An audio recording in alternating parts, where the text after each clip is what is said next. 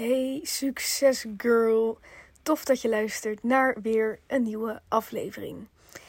Uh, op het moment dat ik dit opneem is het woensdag 17 augustus. En dat betekent, ja, het is vandaag ook voor het eerst weer een beetje slecht weer. Nou ja, gisteren, nou, maakt niet uit.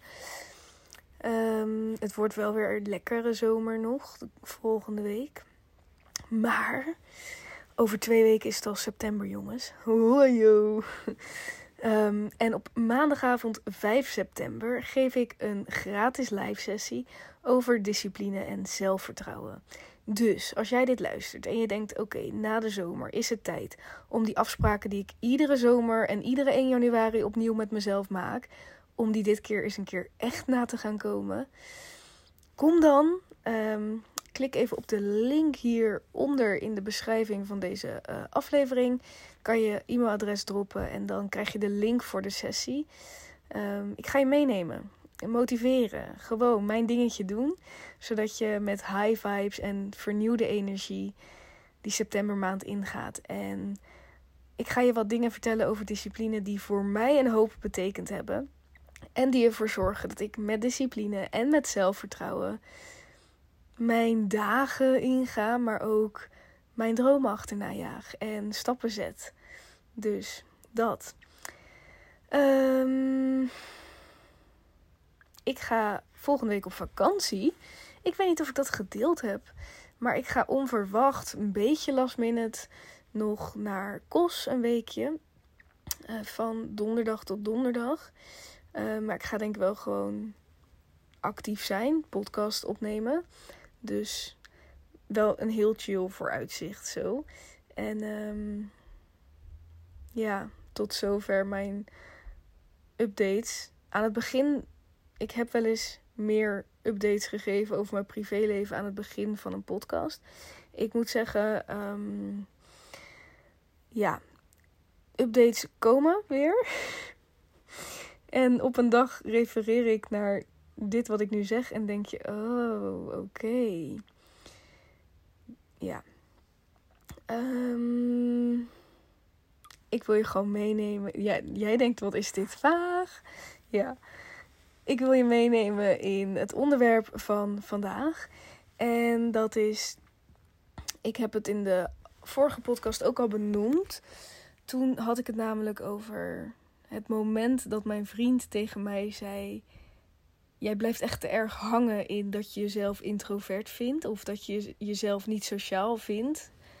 En dat is dus de afgelopen aflevering. En ik noemde daar al in dat er nog een onderwerp is wat daarmee te maken heeft, wat ik graag wil delen. En dat is namelijk het label wat jij jezelf geeft, het verhaal wat jij jezelf uh, vertelt. En dat kan zijn, ik ben een introvert. Dat kan zijn, ik ben heel vaak moe. Um, dat kan zelfs zijn iets wat gewoon echt vaststaat. Dus bijvoorbeeld, ik ben HSP, hoogsensitief persoon. Ik ben. Ja, wat zijn nou dingen. Dat je. Ja. Sorry. ik, ben, ik ben zo moe. Ik zo, ik ben daardoor iets minder scherp. Uh, dat heeft met mijn gezondheid te maken. Heb ik al gedeeld. Ik wil er dus niet in blijven hangen. Uh, ik heb verteld dat ik erg veel last heb van mijn buik. Uh, wil ik gewoon niet elke keer herhalen. Maar het zorgt er wel voor dat ik deze podcast weer op bed opneem. Um, we are working on it. Ik ben ook in contact met de dokter. En um, ik ben, moet nog twee weken mijn medicijnen voor mijn ontsteking in mijn darm. Dus het wordt allemaal beter. Ik wil er, daar, ik wil er gewoon niet in blijven hangen. En ik wil er niet te veel over delen. Um, maar het zorgt ervoor dat ik niet scherp ben. Het is echt dramatisch. Oh, jezus, laat ik mijn telefoon vallen. Oké, rust. Kan je bij jezelf nagaan wat jij jezelf vertelt? Ja, ik ben gewoon chaotisch. Ja, ik ben perfectionistisch. Ja, ik ben snel moe. Ik ben gewoon geen sporter. Eh, dit zijn random voorbeelden, maar we hebben allemaal een verhaal wat we onszelf vertellen. Wat we misschien ook tegen anderen zeggen. maar ook iets waar je eigenlijk de hele tijd mee leeft. Voor mij is dat heel lang geweest. Nou, in deze fase dus ook even. Maar uh, het is heel lang geweest. Ik ben snel moe. Ik heb weinig energie. Ik ben introvert. Ik hou niet van nieuwe mensen ontmoeten. Fun fact. Toen ik werkte op de klantenservice bij een energiebedrijf. Dat was de fase waarin ik het meest met mezelf struggelde. Als in, dat was de fase waarin ik heel graag wilde ondernemen, maar het allemaal nog niet zo goed lukte. En na, even denken hoor, ik ging daar werken in 2017. En ik heb daar ontslag genomen in 2020. Dus na bijna drie jaar ging ik daar weg. Als die versie van mij die uiteindelijk was gelukt. Dus ik nam daar ontslag omdat het zo goed ging met mijn copywriting business. Maar in die bijna drie jaar had ik daar dus collega's uh, met wie ik goed omging. Dat werden gewoon vrienden. Toen had een van die collega's mijn bureau volgehangen met uh, briefjes van uitspraken die ik had. Waaronder de uitspraak: Ik hou gewoon niet van nieuwe mensen ontmoeten. En de uitspraak: Ja, nee, too much information. Helemaal privé. Ik ga het wel zeggen de uitspraak: Ik ben nou eenmaal een nemer en geen gever. nou goed. Um, ik, ik noem dit er even bij, omdat ik dus wil illustreren hoe erg dat label was. Ik, ik zei echt, ik stond daarvoor, zeker in die fase dat ik met mezelf struggelde. Ja, ik hou gewoon niet van nieuwe mensen ontmoeten. Um, wat ik heb gemerkt, ik heb hier vandaag een post over gedeeld, over Ehm, ik heb de afgelopen weken gesprekken gehad, diepgaande gesprekken met jonge vrouwen, waarin ik hen heb gevraagd ook naar hun jeugd.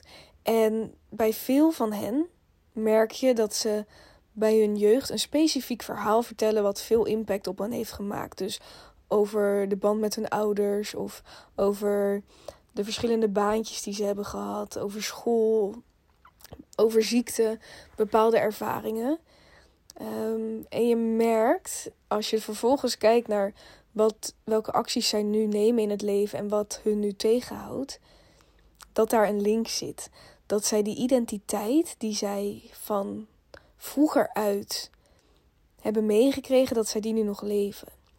Um, en nu is mijn vraag aan jou: kun je bij jezelf nagaan welk verhaal jij jezelf vertelt, waarvan je je misschien niet bewust bent geweest dat het ergens vandaan komt uit je jeugd, uit een bepaalde gebeurtenis? Ik heb dit volgens mij wel eens eerder genoemd, maar afgelopen november was ik op retreat en ik was daar met een groep vrouwen. En ik vroeg mezelf af: waarom ben ik toch zo bezig in deze groep met wat zij van mij vinden? En Ehm, waarom hoor ik mezelf in mijn hoofd de hele tijd zeggen: je bent moeilijk met groepen, je kan niet jezelf zijn, je uh, bent heel alert de hele tijd. Ik, ik, ik, ik voelde dat ik dat was en ik vertelde het mezelf ook. En doordat we wat diepgaandere gesprekken hadden daar, ineens, ik, ik weet niet hoe het kwam, maar ik besefte me dat er een moment is geweest in mijn jeugd. Laten we zeggen dat ik hoe oud moet ik zijn geweest? Ik denk 12. Misschien jonger, misschien ouder. Waarop een uh, vrouw uit de familie, ik denk een verre tante van mij. We waren in een zaaltje, want er was iemand jarig. En er werd Polonaise gelopen. Ik denk dat ik een beetje richting de puberteit ging. En ik moest niks van die Polonaise hebben. En had ook niet zoveel met die mensen die die Polonaise liepen. En die tante, daar stond ik mee aan zo'n staattafel. En zij wilde mij een duwtje geven richting die Polonaise. En ik zei iets van: nee, ik wil dat niet. Waarop haar antwoord was: Jouw broer is echt een stuk gezelliger dan jou. Um, dat ik dacht ineens: wow. En toen besefte ik me dat dus al vanaf mijn jeugd heel erg. Voordat ik me er bewust van was, was dit topic een issue. En um, ik ben dat label heel erg op mezelf gaan plakken. Dat ik niet van dat soort dingen hou. bij die meiden die ik nu heb gesproken, die zichzelf tegenhouden, die dus zeggen van ja, ik zit mezelf in de weg en ik heb gewoon geen discipline en dit en dat. Ik heb met hen allemaal besproken hoe zij in hun jeugd. Hoe, hoe dat nog steeds hun identiteit is. Als jij een persoon wil zijn die discipline heeft, die gemotiveerd is, die moeilijke dingen durft te doen, die stappen zet, die hè, die versie van jou die jij graag wil zijn als je, als je de perfecte versie van jezelf voor je ziet. Als jij die persoon wil worden, dan is het belangrijk dat je nagaat van oké, welke dingen in het verleden passen daar niet bij? Welke dingen die ik heb meegemaakt, draag ik nu nog bij me onbewust in mijn hoofd? En terwijl jij je frustreert over het feit dat het jou niet lukt om gewoon gedisciplineerd te zijn en gewoon zelfvertrouwen te hebben en gewoon, gewoon die perfecte versie te zijn, als dat jou frustreert, je kunt niet gewoon die versie worden, want je hebt een rugzak bij je. En pas als je die rugzak openmaakt en gaat bekijken, oké, wat zit erin? Wat heb ik allemaal meegemaakt? En die dingen die je hebt meegemaakt, kunt gaan zien van oké, ik snap nu dat dat dingen zijn die ik bij me draag, waardoor ik mezelf blijf vertellen dat ik niet genoeg ben. Ik blijf mezelf hierdoor vertellen dat ik niet genoeg energie heb. Ja, dit, is, dit zijn hele persoonlijke situaties. Maar ik kan mezelf bijvoorbeeld terughalen dat ik zo lang heb verteld, zo lang heb gevoeld dat ik weinig energie had, dat ik op een gegeven moment ook niet anders meer wist dan dat ik dat was. En doordat ik het mezelf ook nog eens ging vertellen, hield ik dat vanzelf in stand.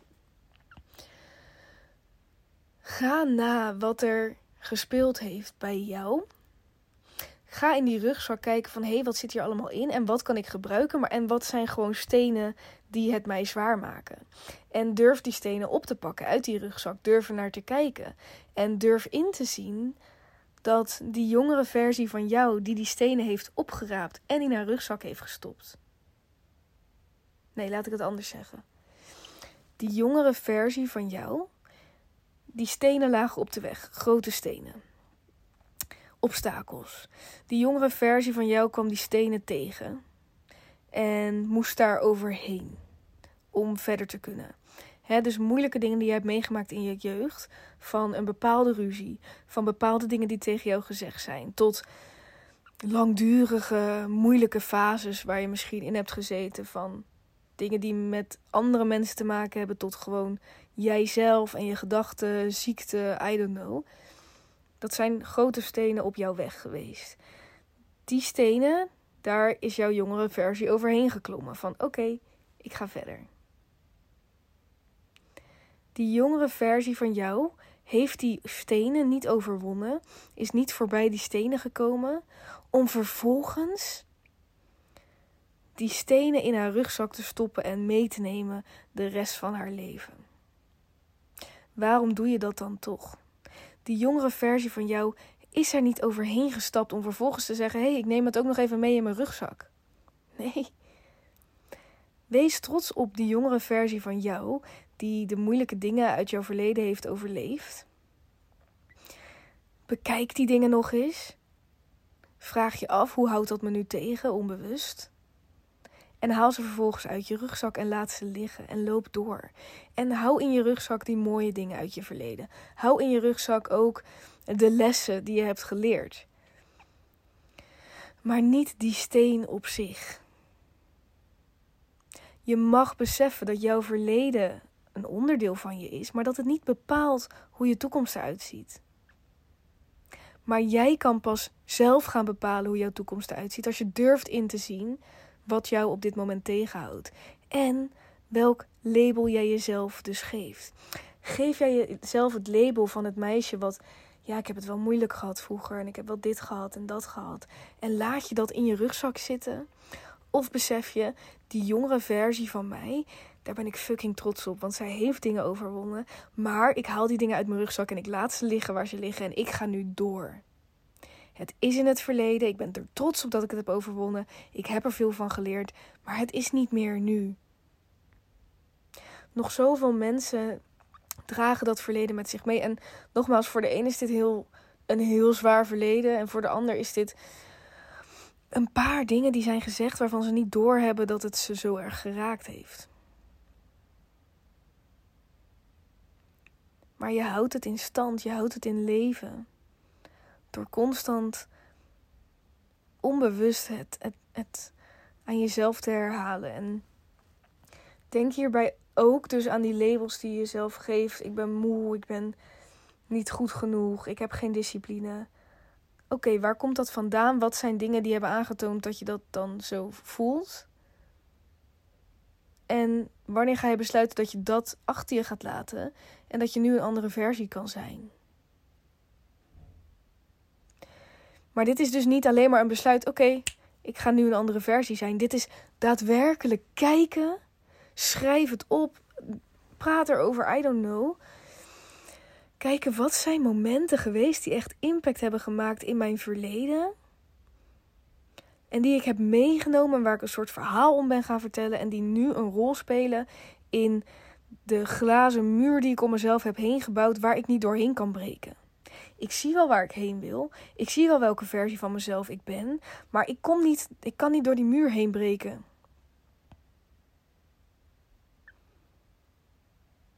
Doe dat onderzoek eens bij jezelf. Want zoveel mensen houden zichzelf tegen met een verhaal uit het verleden. Wat niet meer. Wat niet eens in het nu is. Maar dat is in het verleden. Maar door het te blijven herhalen. Maak je het continu je realiteit. Blijf jij continu degene die niet verandert. Die afspraken met zichzelf maakt, maar ze toch niet nakomt. Die iets moeilijks wil gaan doen, weet dat dat moeilijke haar verder helpt, maar die het dan toch niet durft. Je doet het in zekere zin zelf. Of laat ik het anders zeggen: jij kunt het zelf veranderen. Daarbij kan ook horen dat je besluit: oké, ik moet hierover met iemand praten, met een expert of wat dan ook. Want we kunnen soms niet alles alleen. En nogmaals, voor de een is die dingen in het verleden die zijn gebeurd zijn veel heftiger dan voor een ander. Dus ik kan dat niet voor jou bepalen. Sommige mensen kunnen nu gaan nadenken van oké, wat is die shit uit mijn verleden die ik onbewust blijf herhalen? Wat zijn die beelden van mezelf die eh, ooit een rol hebben gespeeld en die ik nu onbewust in mijn hoofd blijf houden? Waar die, het label wat ik mezelf heb gegeven, de identiteit die ik mezelf heb gegeven. En voor anderen geldt heftige shit meegemaakt, dingen die impact hebben gemaakt. Oké, Praat erover met iemand. Laat iemand je helpen. Want als je verder wil, moet je het eerst kunnen doorvoelen wat er is geweest, zodat je het kan loslaten. Je kan het niet zomaar loslaten. Oké, ik ehm, hoop dat deze aflevering iets voor je heeft kunnen betekenen. Al is het maar heel even nadenken van hé, hey, ik wil iets bereiken. Maar ik merk dat ik steeds tegen iets aanloop in mezelf. Dat ik mezelf steeds tegenhoud. Waar kan dat vandaan komen? Zo'n zelfonderzoek kan echt wonderen doen. Voor mij was dat inzicht dat ik dat ooit heb gehoord. Jouw broer is veel leuker dan jij. En ik weet nog dat ik dacht: Did you really say this? En wow. Kijk, het boeide me. Ik, ik vond haar niet leuk, die vrouw. Dus in die zin maakt het me niet uit. Maar ik dacht wel: oh, zie je wel. Dit zullen andere mensen ook vinden. En dan ga je heel zelfbewust worden. En dan ga je dat herhalen. En dan word je minder makkelijk in een groep. Want dan ben je heel erg bezig met hoe kom ik over. En nou, dat heeft zich verder ontwikkeld. Waardoor mijn, vriend laatst zei nog tegen mij: van je, je hebt echt je, dat label wat jij jezelf geeft over niet sociaal zijn, daar sla je echt in door. En ik was echt, ik zeg, wat zeg jij? en uh, toen, ik dacht wel, af, je moet durven om dit te ontvangen, niet meteen in de aanval. Maar ik dacht wel, oeh, dit, triggert me wel. Maar hij heeft daar wel gelijk in. En eindstand, uh, Hoe lang blijf ik het nog roepen? Want ik kan prima met nieuwe mensen omgaan. Alrighty. Thanks voor het luisteren. Ik hoop dat het niet al te vaag was. Ik heb gewoon even uit mijn hart gepraat. En zoals ik al zei, ik ben even niet op mijn opperste best. Maar ik heb geen zin om dat te herhalen. Dus voor nu, voorlopig, is dit ook de laatste keer dat ik dit heb gezegd. Uh, want ik voel me mentaal verder goed. Ik zit er lekker in. Ik ben heel blij met dit, met wat ik doe voor de Success Girl. Ik geniet, ik ben gelukkig. Alleen fysiek, life is, uh, is, is a little bit hard. Komt allemaal goed. Ik wens jou een ontzettend fijne dag. Ga achter die dingen aan die je wil. Want het kan, want jij creëert jouw realiteit. Jij creëert jouw toekomst. Niet jouw verleden. Jij. Jij in het nu. Doei doei.